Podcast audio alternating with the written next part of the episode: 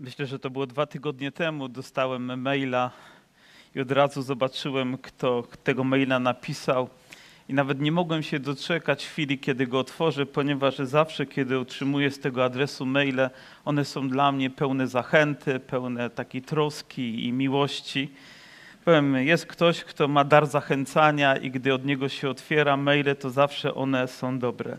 Być może są też takie wiadomości, które otwieramy drżącymi rękami, ponieważ za każdym razem wiadomość, która z tego źródła wypływa, jest trudna dla naszego życia. A więc mamy w zborze dobre i trudne relacje, mamy ludzi, którzy są nam bliscy i ludzie, którzy być może nie zawsze są odpowiedzią na nasze tęsknoty i potrzeby serca. Czyż tak nie jest? Ale dzisiaj chciałbym, żebyśmy czytając Boże Słowo i rozważając jakby dostąpili zachęty, żeby te trudne sfery naszego życia, które wymagają uzdrowienia, zwłaszcza w relacjach z ludźmi, zostały pobudzone do tego, żeby coś czynić, coś, co będzie odbudowywać, coś, co będzie zmieniać ich klimat, coś, co będzie owocować później w naszym życiu. Nie wiem, jak zareagował Filemon, który dostał bardzo krótki list od apostoła Pawła. To był najkrótszy list i najbardziej osobisty, jaki ten sługa Boży napisał. I gdy inne listy pisał w metrach, to ten pewnie można by liczyć w centymetrach. I kiedy go wziął do ręki, to myśli sobie, co to za list. Ale z drugiej strony, wiedząc, że pisze to apostoł Paweł, to z pewnością otworzył z drżącym sercem i oto przeczytał taką treść, którą chciałbym się podzielić też z wami. Nie będziemy dzisiaj czytać całego listu, choć składa się on z niewielu wierszy, ale chciałbym, żebyśmy go podzielili też na takie rzeczy, które będziemy mogli w praktyczny sposób zastosować w naszym życiu. Że nie będzie to tylko teoria, ale będzie to coś, co możemy przełożyć na język życia i postępowania. I oto tak czytamy w liście do Filemona. Paweł, więzień Chrystusa Jezusa i to Mateusz brat, do umiłowanego Filemona, współpracownika naszego, i do Appi, siostry, i do Archipa, współbojownika naszego, i do zboru, który jest w Twoim domu. Łaska Wam i pokój od Boga Ojca naszego i od Pana Jezusa Chrystusa. Dziękuję Bogu mojemu zawsze, ilekroć wspominam Ciebie w modlitwach moich słysząc o miłości Twojej i o wierze, jaką pokładasz w Panu Jezusie i masz do wszystkich świętych aby wiara Twoja, którą wyznajesz wespół z nami, pogłębiła poznanie wszelkich dobrodziejstw, jakie mamy w Chrystusie. Miałem bowiem wielką radość i pociechę z miłości Twojej, ponieważ z serca świętych przez Ciebie, bracie, zostały pokrzepione. Na razie do tego fragmentu. Są teolodzy, którzy mają wątpliwości, czy w ogóle ten list powinien znaleźć się w kanonie Pisma Świętego ze względu na to, że jest bardzo osobisty. Może ze względu na to, że nie zawiera jakichś głębokich prag do, doktrynalnych, ani jakichś szczególnie wielkich napomnień. Oto w tle tego listu jest, jak to powiedział jeden z, mm, z komentatorów Bożego Słowa, Barclay, romantyczna historia która polega na tym, że był pewien młody człowiek, który wychowywał się w domu Filemona. Jest to najbardziej prawdopodobna, wers prawdopodobna wersja tej historii, który wychowywał się w domu Filemona, był niewolnikiem, a więc był całkowicie zdany na swojego pana, ale w pewnym momencie zbuntował się. Najprawdopodobniej jeszcze wziął coś z jego domu, czyli okradł go i ruszył gdzieś swoją drogę. Ta droga doprowadziła go aż do Rzymu. Tam w jakichś okolicznościach nieznanych dla nas nas spotkał apostoła Pawła i tam też podczas tego spotkania doszło do nawrócenia tego młodego człowieka. Jego życie zostało przemienione łaską i mocą Bożą i później Paweł chce odesłać tego młodego człowieka z powrotem do domu Filemona i pisze ten list, który ma otworzyć mu drogę powrotu do, do tego miejsca. A więc jest to bardzo osobisty list, jest to bardzo głęboki list i też szczególny, szczególny w swojej treści. Mam nadzieję, że takim też stanie się bliskim naszemu sercu. Piękna historia mówiąca o przemianie życia, mówiąca o relacjach między ludźmi, ale rozpoczynając ten fragment czytamy oto tak. Paweł, więzień Chrystusa Jezusa i Tymoteusz brat. Czy zauważacie, że nie rozpoczyna Paweł tego listu z takiego górnego C, mówiąc ja apostoł, ja powołany przez ale tak jakby mówi brat do brata. Oczywiście jeszcze tutaj wymienia innego, brat do brata, jakby w intencji innego brata. A więc tak może też powinny wyglądać nasze relacje, że zwracamy się do siebie nie ze względu na urząd, który sprawujemy, na dane nam, nie wiem, tytuły, tylko jak bracia, jak ludzie, którzy są sobie bliscy, jak ludzie, którzy się kochają i też troszczą się o siebie. I takim z pewnością był apostoł Paweł i mówi: Jestem więźniem Chrystusa Jezusa. Później w 13 wierszu tłumaczy, że ma więzy z powodu wiary w Pana Jezusa Chrystusa, które dzielnie też znosi. Ale on, będąc więźniem, on, który z pewnością potrzebował pomocy, nie utyskuje i nie narzeka na swój stan, ale jeszcze jest w stanie pomyśleć o innych. Czy to nie jest piękne? Czy to nie jest wzór dla nas, że nie jest człowiekiem skoncentrowanym tylko na sobie, ale na tym, żeby pomagać innym? Czyż nie tak też powinno wyglądać życie chrześcijańskie? Widzimy Pana Jezusa, który tak wiele znosił ze względu na nas, tak wiele niósł ze względu na nas, ponieważ nas tak bardzo umiłował, a wiemy, że On jest doskonałym wzorem. Ten wzór wzięli Jego uczniowie, ten wzór wziął apostoł Paweł. I Kościół powinien wziąć ten wzór dla siebie. Powinniśmy troszczyć się o siebie i okazywać to w najlepszy możliwy sposób, na jaki nas tylko stać. Wymienia tutaj Tymoteusza, który był mu bliski, i też umiłowanego Filemona. To słowo umiłowany Myślę, że dla Filemona miało znaczenie, ponieważ znał osobiście apostoła Pawła. Dzisiaj w internecie jest pełno różnych filmików i najczęściej rozpoczynają się takim oto zwrotem: kochani. I tak słucham tego i mówię: Wiesz co, nie wierzę ci. Nie wierzę ci, ponieważ ja nie wiem, czy ty mnie naprawdę kochasz, czy tobie na mnie zależy. Wy również? Mówi o kochanie. Ja wiem, że jest to forma grzecznościowa, którą się zwracamy, ale myślę, że za tym słowem nie idzie nic więcej. Ale kiedy my w kościele wypowiadamy słowo umiłowany, kochany brat, to mam nadzieję, że za tym idzie pewna głębia i znaczenie, że nie jest to puste słowo, które wybrzmiewa, ale naprawdę jest to coś, co wydobywa się z naszego serca. I wierzę, że apostoł Paweł miłował Filemona jak brata, był mu bliski. Był kimś, z kim spędził sporo czasu, gdy była zwiastowana Ewangelia. Wiemy też, że Filemon najprawdopodobniej mieszkał w Kolosach, był bardzo zamożnym człowiekiem i dowiadujemy się nawet, że w jego domu był zbór. A też mówi do Filemona, współpracownika naszego. Słowo Filemon, gdybyście wpisali w wyszukiwarce, to pierwsze, co wam wyskoczy, to kot Filemon. Pewnie to bajka z dzieciństwa, którą oglądaliśmy. To imię gdzieś zostało przesunięte na drugi plan plan, ale gdy doszukamy się znaczenia tego słowa, ono pochodzi od greckiego słowa filoe i znaczy miłuję, kocham, przyjazny, życzliwy. Piękne słowa, prawda? Tak myślę, czy Kościół nie powinien się tak nazywać Filemon. Ten, który kocha, ten, który miłuje, ten, który się troszczy, ten, któremu zależy na innych ludziach. Może w tym zwrocie do Filemona nie tylko kryje się jedna postać, ale my wszyscy jesteśmy zawarci. Może na drugie powinniśmy mieć tak na imię Filemon, który rzeczywiście ma coś w sercu godnego pochwały i mówi współpracownika naszego, a później nawet mówi o innym człowieku i zaraz do niego dojdziemy, współbojownika. Ale współpracownika to rozumiem, że nie tylko w jednej branży pracujemy, ale chodzi o to, że oni razem służyli Panu, że byli zaangażowani w Jego dzieło i to ich bardzo też do siebie zbliżyło. I myślę, że nic nas tak nie zbliża jak wspólna służba, jak wspólne poświęcenie, jeżeli z kimś przejdziemy przez, nie wiem, przez misję, przez jakieś wspólne działania na Bożym Królestwie, to, to uczyni nas tak bliskimi, że te relacje będą owocować przez długie lata. I wierzę, że wy w sercach, zwłaszcza wy, ludzie, którzy jesteście bardziej doświadczeni w wierze, którzy macie w historii swoim wielu różnych wydarzeń, macie tam ludzi, z którymi razem toczyliście walki ze względu na wiarę. Może przeciwstawialiście się złu, razem na kolanach modliliście się, razem modliliście się o innych i to zostało utrwalone, że ta przyjaźń owocuje do dnia dzisiejszego i jest czymś głębokim w waszym życiu. Prawda, że tak? ponieważ te rzeczy zbliżają.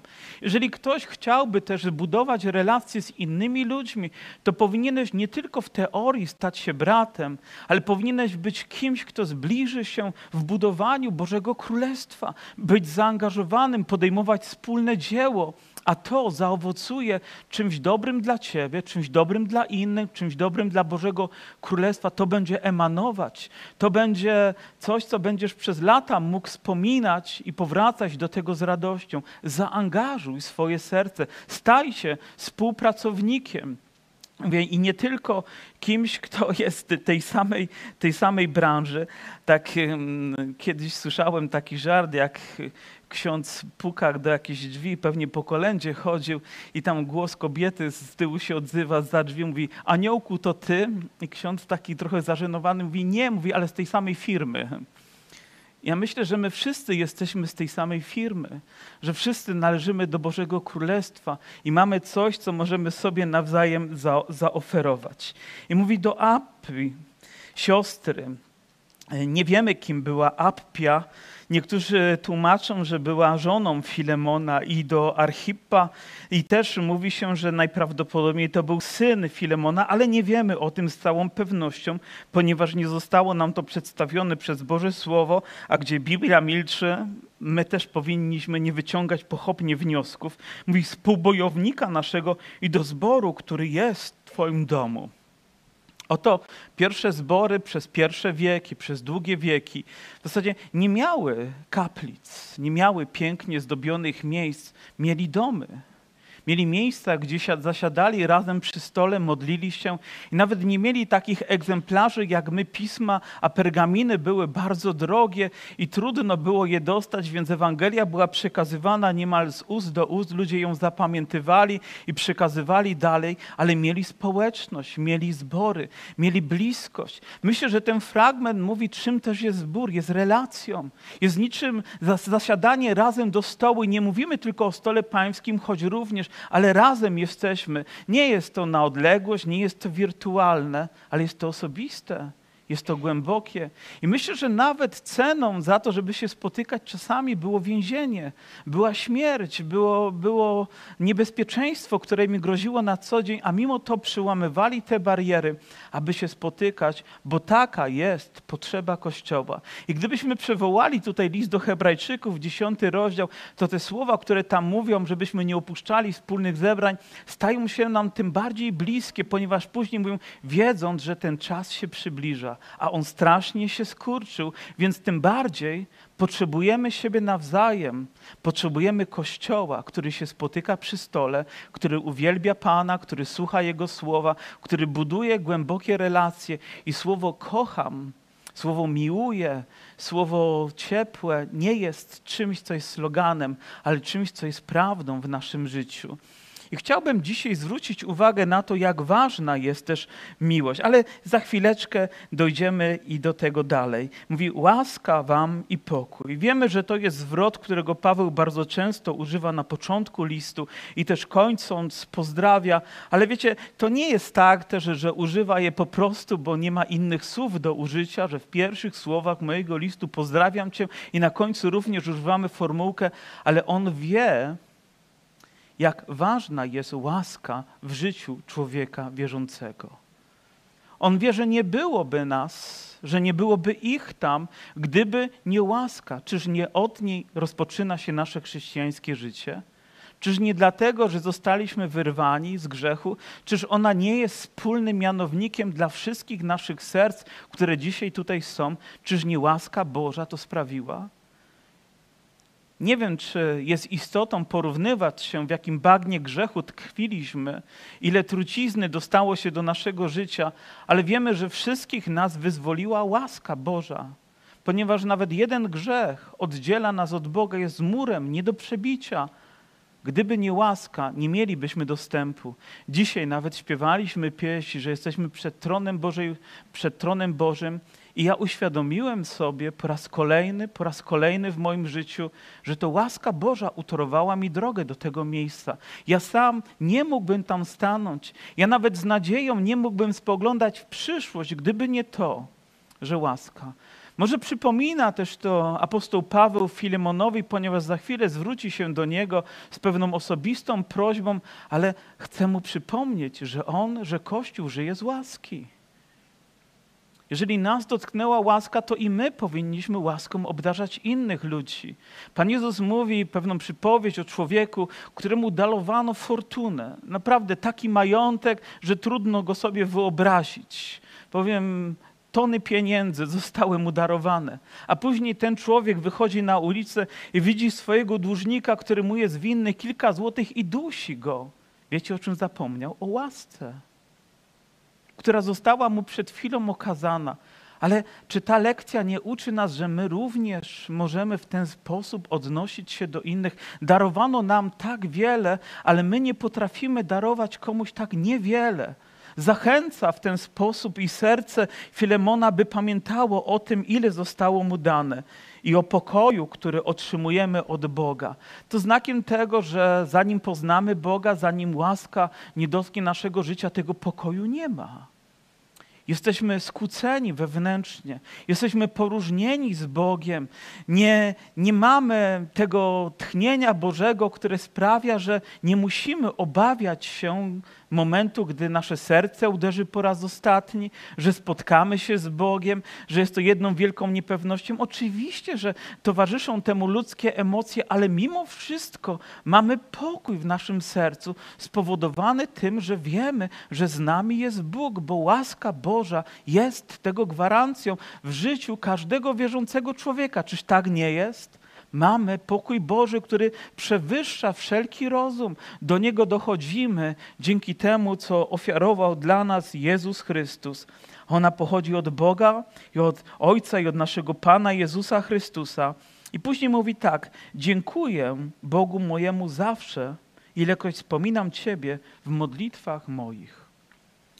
I tu chciałbym, żeby była jedna pierwsza taka bardzo praktyczna lekcja, żeby zawsze w naszych modlitwach dziękować za innych wierzących, a zwłaszcza za tych, z którymi może nam jest najtrudniej. Ponieważ dziękczynienie ma pewną moc, która jest nie tylko nadana nam z nieba, byśmy ją wypełniali, ale jest czymś, co staje się obowiązkiem w naszym chrześcijańskim, chrześcijańskim życiu. Wypisałem sobie kilka rzeczy, które są związane z dziękczynieniem. Po pierwsze, wiemy, że dziękczynienie jest zgodne z Bożą wolą, bo czytamy o tym w pierwszym liście do Tesaloniczan 5:18, gdy słowo mówi: Za wszystko dziękujcie. Za wszystko. Apostoł Paweł też w innym miejscu mówi, za każdego z was z radością się modląc. A więc potrzebą i nakazem Bożym jest.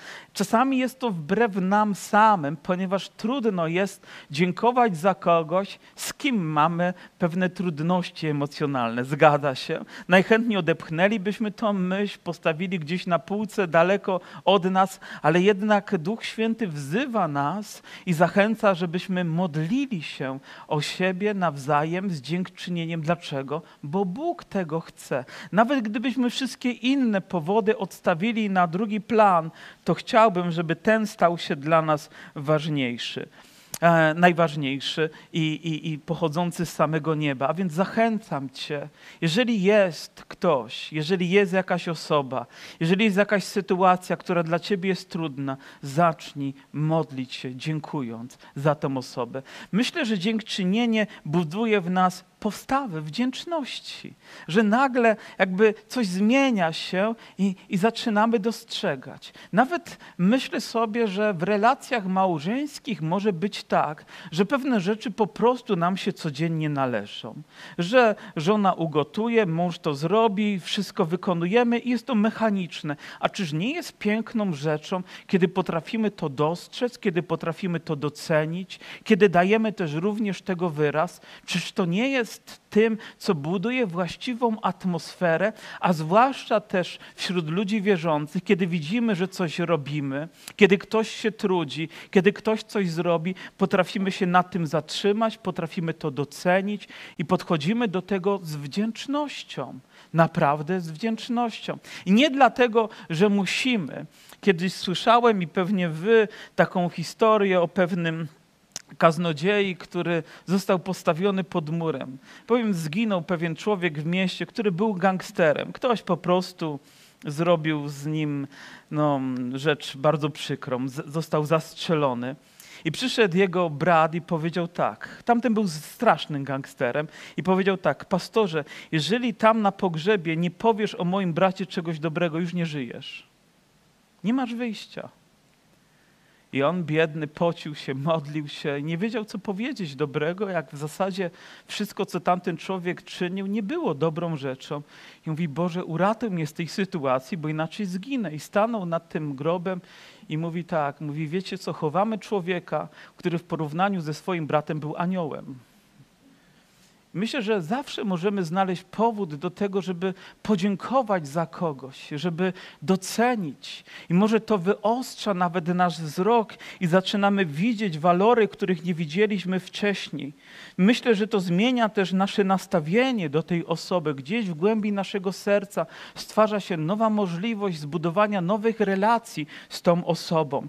Pozwala nam dostrzec naprawdę to, co dobre. Pozwala nam stanąć przed tymi ludźmi po prostu z czystym sumieniem.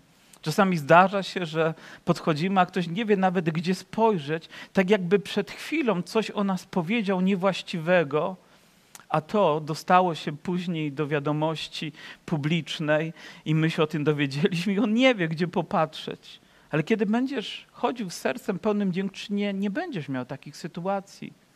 Nie będziesz musiał uciekać wzrokiem przed swoim przełożonym, przed swoim bratem, przed swoją siostrą. Nie będziesz musiał przed przyjaciółmi, przed rodzicami, bo twoje serce po prostu będzie czyste. Zacznij dziękować, a Bóg z pewnością do tego się przyzna. Myślę, że dziękczynienie zamyka też drogę przekleństwu. Prawda, że tak? Kiedy uwielbiamy i dziękujemy Bogu za tą osobę, za tego brata, to również sprzeciwiamy się wszelkim złym myślom, które diabeł próbuje nam podszepnąć, abyśmy wypowiadali je przeciwko, przeciwko sobie. Nic tak nie zatruwa życia Kościoła, jak brak wdzięczności, jak plotkowanie, jak mówienie o, o, sobie w niewłaściwy sposób. Ale jeżeli zamkniemy te usta diabłu i nie pozwolimy, żeby używał też naszych, to myślę, że kultura też naszej społeczności, bo taka się buduje, kiedy Bogu zaczynamy dziękować, zaczyna się radykalnie zmieniać. Apostoł Paweł mówi, Dziękuję Bogu mojemu zawsze. Czy to znaczy, że był doskonałym człowiekiem? Nie. Czy nie miał wady? Miał wady ale apostoł Paweł dziękował. Bądź człowiekiem, który będzie dziękować. Dziękuj za swoją siostrę, z którą jest ci trudno. Dziękuj za swojego brata, z którym być może nie jest łatwo. Dziękuj za swojego sąsiada, który może zatruwać ci życie. Dziękuj za swojego przełożonego, który może nie jest najlepszy. Dziękuj za swojego współpracownika. Dziękuj za wszystko i rób to szczerze, a Bóg zatroszczy się, aby ta sytuacja została uzdrowiona. Mam pytanie, czy ktoś z was kiedyś doświadczył mocy dziękczynienia? Czy to nie zmieniło was? Czy nie zmieniło relacje między wami? Czy nie zmieniło to nie jedno małżeństwo i nie jedną braterską, siostrzaną historię życia? I wierzę, że nadal będzie zmieniać, bo tak działa Boże Słowo, a my okażemy Mu wierność. Modlitwy nasze powinny być tym nacechowane. mówiąc, słysząc o miłości Twojej i o wierze, jaką pokładasz w Panu, masz do, i masz do wszystkich świętych. Zwróćcie uwagę na to, że Paweł mówi, słysząc o miłości. Nie tylko mówiąc o miłości, ale słysząc o miłości. A więc nie jest to coś, co tylko jest wypowiadane, ale coś, co jak w kuźni rozbrzmiewa, ale echem niesie się po okolicy. A tam wykuwa się rzeczy, które praktycznie będziemy mogli zastosować, które będą pożyteczne dla innych ludzi które będą narzędziami codziennego użytku. I to, co czynił Filemon w stosunku do wierzących, do świętych, którzy tam byli, doniosło swoim echem aż wieści do Rzymu i Paweł z tego powodu się rozradował, słysząc, jak wielkie, jak wspaniałe rzeczy Bóg wykonywał. Ale ktoś powie, ale zaraz, zaraz, miłość jest uczuciem. Nie, nie wiem, czy użyć tego słowa, ale chciałem powiedzieć bzdura. Uczucie jest owocem miłości, ale na pewno nie jest samą miłością. Jest tym, co jest efektem tego, że zaczynamy czynić dobrze. Pan Jezus uczy nas o relacjach małżeńskich i mówi o miłości, i później definiuje, czym jest miłość mężczyzny do kobiety, tak jak Chrystus umiłował Kościół i wydał samego siebie i troszczy się o niego, i pielęgnuje i dba. I tym jest miłość, którą my wyrażamy sobie nawzajem w każdym dniu, niosąc trud i poświęcenie, ponieważ tak działa prawdziwie Boża miłość. Ja nie mogę Ci nakazać, mój bracie, miłuj, jeżeli miałbym Ci powiedzieć, czuj do niego coś więcej. Nie mogę powiedzieć mężczyźnie, miłuj swoją żoną, żeby na nowo te romantyczne uczucia wzbudzone zostały w Twoim sercu. Ale gwarantuję Ci, że jeżeli zaczniesz miłować swoją żonę i będziesz to czynić z wielkim poświęceniem, to tak, uczucia przyjdą, tak, one zostaną odnowione i może będą głębsze i piękniejsze niż kiedykolwiek wcześniej, ponieważ zaczynasz to czynić. Nie wiem jak wy, ale znam wiele pięknych pieśni. Znam je, znam ich treść, ale dopiero uczucia we mnie rodzą się wtedy, kiedy zaczynam ją śpiewać. Kiedy słowa zaczynają się wydobywać, kiedy melodia płynie, to tak, rzeczywiście to porusza moje serce, ale wcześniej jest to tylko jakaś teoria, którą znam, ale gdy zaczynam to czynić, zaczyna to rezonować w moim życiu. Tak, możesz wiedzieć, jak piękny jest ten film jak romantyczny ale kiedy zaczynasz go oglądać, to nagle historia sprawia, że łzy ciekną, ponieważ zaczynasz to przeżywać widząc, doświadczając tego. I tak samo myślę, że gdy jedziemy na misję i widzimy, słyszymy o nieszczęściu, ale kiedy tam jesteśmy i zaczynamy coś robić, żeby ci ludzie poczuli, że są rzeczywiście kochani, to wtedy zaczynamy dostrzegać, czym jest prawdziwa miłość. Kiedyś jakiś film oglądałem o świadectwie pewnej młodej surferki, która e, w nocy postanowiła pływać i i zaatakował ją rekin i odgryzł jej rękę. Pewnie wy również gdzieś tam oglądaliście taki chrześcijański film, a jeżeli nie, to może warto zobaczyć. I ona strasznie zagubiła się w swoim życiu, ponieważ e, straciła cel, którym było surfowanie. I wychowywała się w ewangelicznej rodzinie i ludzie chodzili do kościoła, wielbili Boga, ale jej serce tak jakby zamarło i nie wiedziała, co zrobić ze swoim życiem, aż pewnego dnia na siłę wręcz została zachęcona, żeby jechać na misję do ludzi, którzy potrzebują pomocy. Ona myślała, że to ona wciąż potrzebuje pomocy, bo jest kaleką, bo teraz nie może surfować, ale kiedy się tam znalazła, i kiedy zobaczyła dzieci, które przeżyły tsunami i pomogła im na nowo wejść do wody, choć sama miała obawy, żeby tam się znaleźć po raz kolejny, jej miłość do Boga i miłość, w ogóle pasja do życia odżyła. Miłość potrzebuje być usłyszana potrzebuje być zobaczona, potrzebuje być poczuta przez innych w tym znaczeniu, że dotyka czyjegoś życia. A więc przyłóż rękę, zacznij okazywać miłość innym. Mogą to być drobne rzeczy, może zaczyna się nawet od słów, powiem przyjaźni, troski, może od małych gestów, które wykonujemy w stosunku do siebie, ale to będzie wzrastać, będzie wykonywane. Nieraz śpiewamy taką pieśń, którą mówimy, wszystko Tobie dziś oddaję. Ktoś z Was zna tą pieśń? Śpiewamy ją. Angażuję w to swoje serce, gdy ją śpiewam, bo bardzo lubię ten hymn. Ale pewnego dnia uświadomiłem sobie, ten hymn może nic nie oznaczać w moim życiu. Bo mówię, wszystko Tobie oddaję. A Bóg mówi, ale co mi oddajesz? Dobrze, powiedz mi, co mi oddajesz? Wymień po imieniu. Godziny, dni? O, wszystko, Panie, Ci oddaję. Panie, wszystkie pieniądze, ale co mi oddajesz? Oddajesz mi dziesięcinę? Czy w inny sposób mnie uwielbiasz, co mi oddajesz? Uświadomiłem sobie, że wszystko może oznaczać nic. Miłość może oznaczać nic. Dziękczynienie może oznaczać nic. Ponieważ kiedy zaczynamy mieć przed sercem, przed oczyma osobę, kiedy zaczynamy dotykać ją miłością, wtedy wszystko zaczyna się zmieniać. Więc chciałbym Was też bardzo zachęcić do tego, że gdy czytacie, gdy rozważacie to słowo, żeby za tym szło coś więcej niż tylko doświadczenie i być połech, takie teoretyczne doświadczenie i być połechtanym przez słowa, ale pełne troski, zaangażowanie naszego życia, by zacząć dziękować. Dziękuj za swojego ojca, dziękuj za swoją mamę, dziękuj za swoją siostrę, dziękuj za swojego brata, dziękuj za swojego przyjaciela. A później idź krok dalej, zrób coś dla Niego. Zrób coś, co będzie wyrazem Twojej troski, Twojej miłości. Kiedyś pewien człowiek, słyszałem tą historię od misjonarza, było to mm, w jakimś kraju, gdzie była też taka mm, dzielnica czy, czy taka gmina trendowatych ludzi i pewien człowiek odczuł, że powinien tam, powinien tam chodzić do, do tych ludzi, żeby pomagać. I tam jednej osobie zwłaszcza, żeby przynosić jedzenie, żeby w ten sposób okazać miłość. I pewnego dnia przyniósł taki rozentuzjazmowany miskę jedzenia i podał ją gdzieś. Ona została wciągnięta, ponieważ nie można było mieć kontaktu z tymi ludźmi. I w pewnym momencie cała ta miska wylądowała z powrotem na jego głowie. A myśli sobie, oberwało mu się, wrócił do domu, ale znowu odczuł to samo pragnienie, żeby pójść, żeby, żeby zrobić. No mówi, no może raz się zdarzyło. Zrobił to kolejny raz, historia się powtórzyła. Zrobił to dziesiąty raz, historia się powtórzyła. I nie wiem ile razy, może nawet sam stracił rachubę, aż pewnego dnia miska nie wylądowała na jego głowie.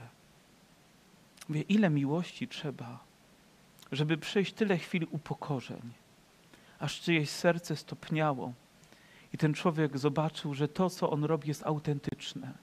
Jest pełne miłości, pełne wyrazu, pełne chwały. Nie wiem, czego się spodziewasz, kiedy okazujesz komuś miłość. Może spodziewasz się na takiego automatycznego zwrotu, jak wysyłasz maila i skrzynka automatycznie ci wysła tak przyjęta. Ale co to znaczy? Załatwione? Może potrzeba wiele razy, może tysiąca razy aż przyjdzie miłość. Może ty, drogi bracie, potrzebujesz po prostu miłować swoją żonę, a ty, żono, miłować swojego męża. Może ty potrzebujesz miłować swoją mamę i swojego tatę. Może potrzebujemy okazywać to bratu i siostrze w praktyczny sposób, nie spodziewając się zwrotu. Czy pierwszego dnia, gdy Jezus przyszedł do naszego serca, zapołaliśmy miłością? Ile razy go odtrącaliśmy, ile razy może nawet powstały złe myśli, ale on swojej miłości nie ustawał, aż nasze serce nie zostało zdobyte dla niego. I dzisiaj dziękujemy mu za to, że był, był tak wytrwały, był tak niezłomny, że dotarł do nas, że przebił się przez tą skorupę, ponieważ w środku było miękkie serce, które potrzebowało Jezusa. I my potrzebujemy Jego i potrzebujemy siebie nawzajem, potrzebujemy okazywać sobie tą troskę i przeżywać ją. Miałem bowiem, mówi tak, a wiara Twoja, którą wyznajesz wespół z nami, pogłębiła poznanie wszelkich dobrodziejstw. I o tym będziemy mówić, że wiara jest czymś więcej też niż tylko słowem. Ona musi być połączona z miłością i ona zawsze prowadzi nas do tego, co jest najlepsze w naszym życiu, w Jezusie Chrystusie. Miałem bowiem wielką radość i pociechę z miłości Twojej ponieważ serca świętych przez Ciebie, bracie, zostały pokrzepione. A więc wiara jest praktyczna, wiara jest działaniem, wiara jest czynem, wiara jest ofiarowaniem samego siebie Chrystusowi i pełna poświęcenia, pełna wyrzeczeń, ale zapłatę, którą otrzymujemy w nas, jest wystarczająca, abyśmy mogli ją wykonywać dalej. O, żałuję, że musimy tutaj zakończyć w zasadzie w tym miejscu, ale dwie rzeczy, do których chciałbym dzisiaj Was zachęcić, są, niech ten rok będzie bardzo praktyczny w naszym działaniu. Dziękuj i miłuj. Tak jak uczynił to Chrystus. Dziękuj. Dziękuj za swoją siostrę i za swojego brata. Dziękuj nawet za to, co trudne i bolesne. A gwarantuję Ci, gdy będziesz tym niezłomny i nie zatrzymasz się po pierwszej próbie i po pierwszym doświadczeniu, może które nie będzie najbardziej pozytywne, przyjdzie owoc. On najpierw pojawi się w Twoim życiu, później będzie emanować przez Twoje życie, a później będzie błogosławić innych. Gwarantuję Ci. Twoja miłość zadziała, bo Boża miłość zawsze działa. Mam nadzieję, że dzisiaj mówiłem do Filemonów. Do Filemonów. Ludzi, którzy po prostu są życzliwi. Po prostu. Kiedyś słyszałem pewną, pewną historię, która mnie przeraziła. Oto kobieta, która źle postępowała. Strasznie. prowadziła rozwiązłe życie, miała dziecko i później nawet dziecko zaczęła sprzedawać, aby w ten sposób ciągnąć zyski. Okropna rzecz. A więc jej sytuacja była dramatyczna i ktoś powiedział: idź do kościoła, tam ci pomogą. A ona mówi: po co? Po to, żeby poczuć się jeszcze gorzej? Nie myślę, że to jest najlepsze świadectwo Kościele. Chciałbym, żeby takie osoby, tak jak i my, zrozumiały, że łaska Boża jest dla każdego. I za taką osobę powinniśmy Bogu dziękować i takiej osobie okazać Bożą miłość, każdemu z nas, bo to uczynił dla nas Jezus. Amen? Powstańmy.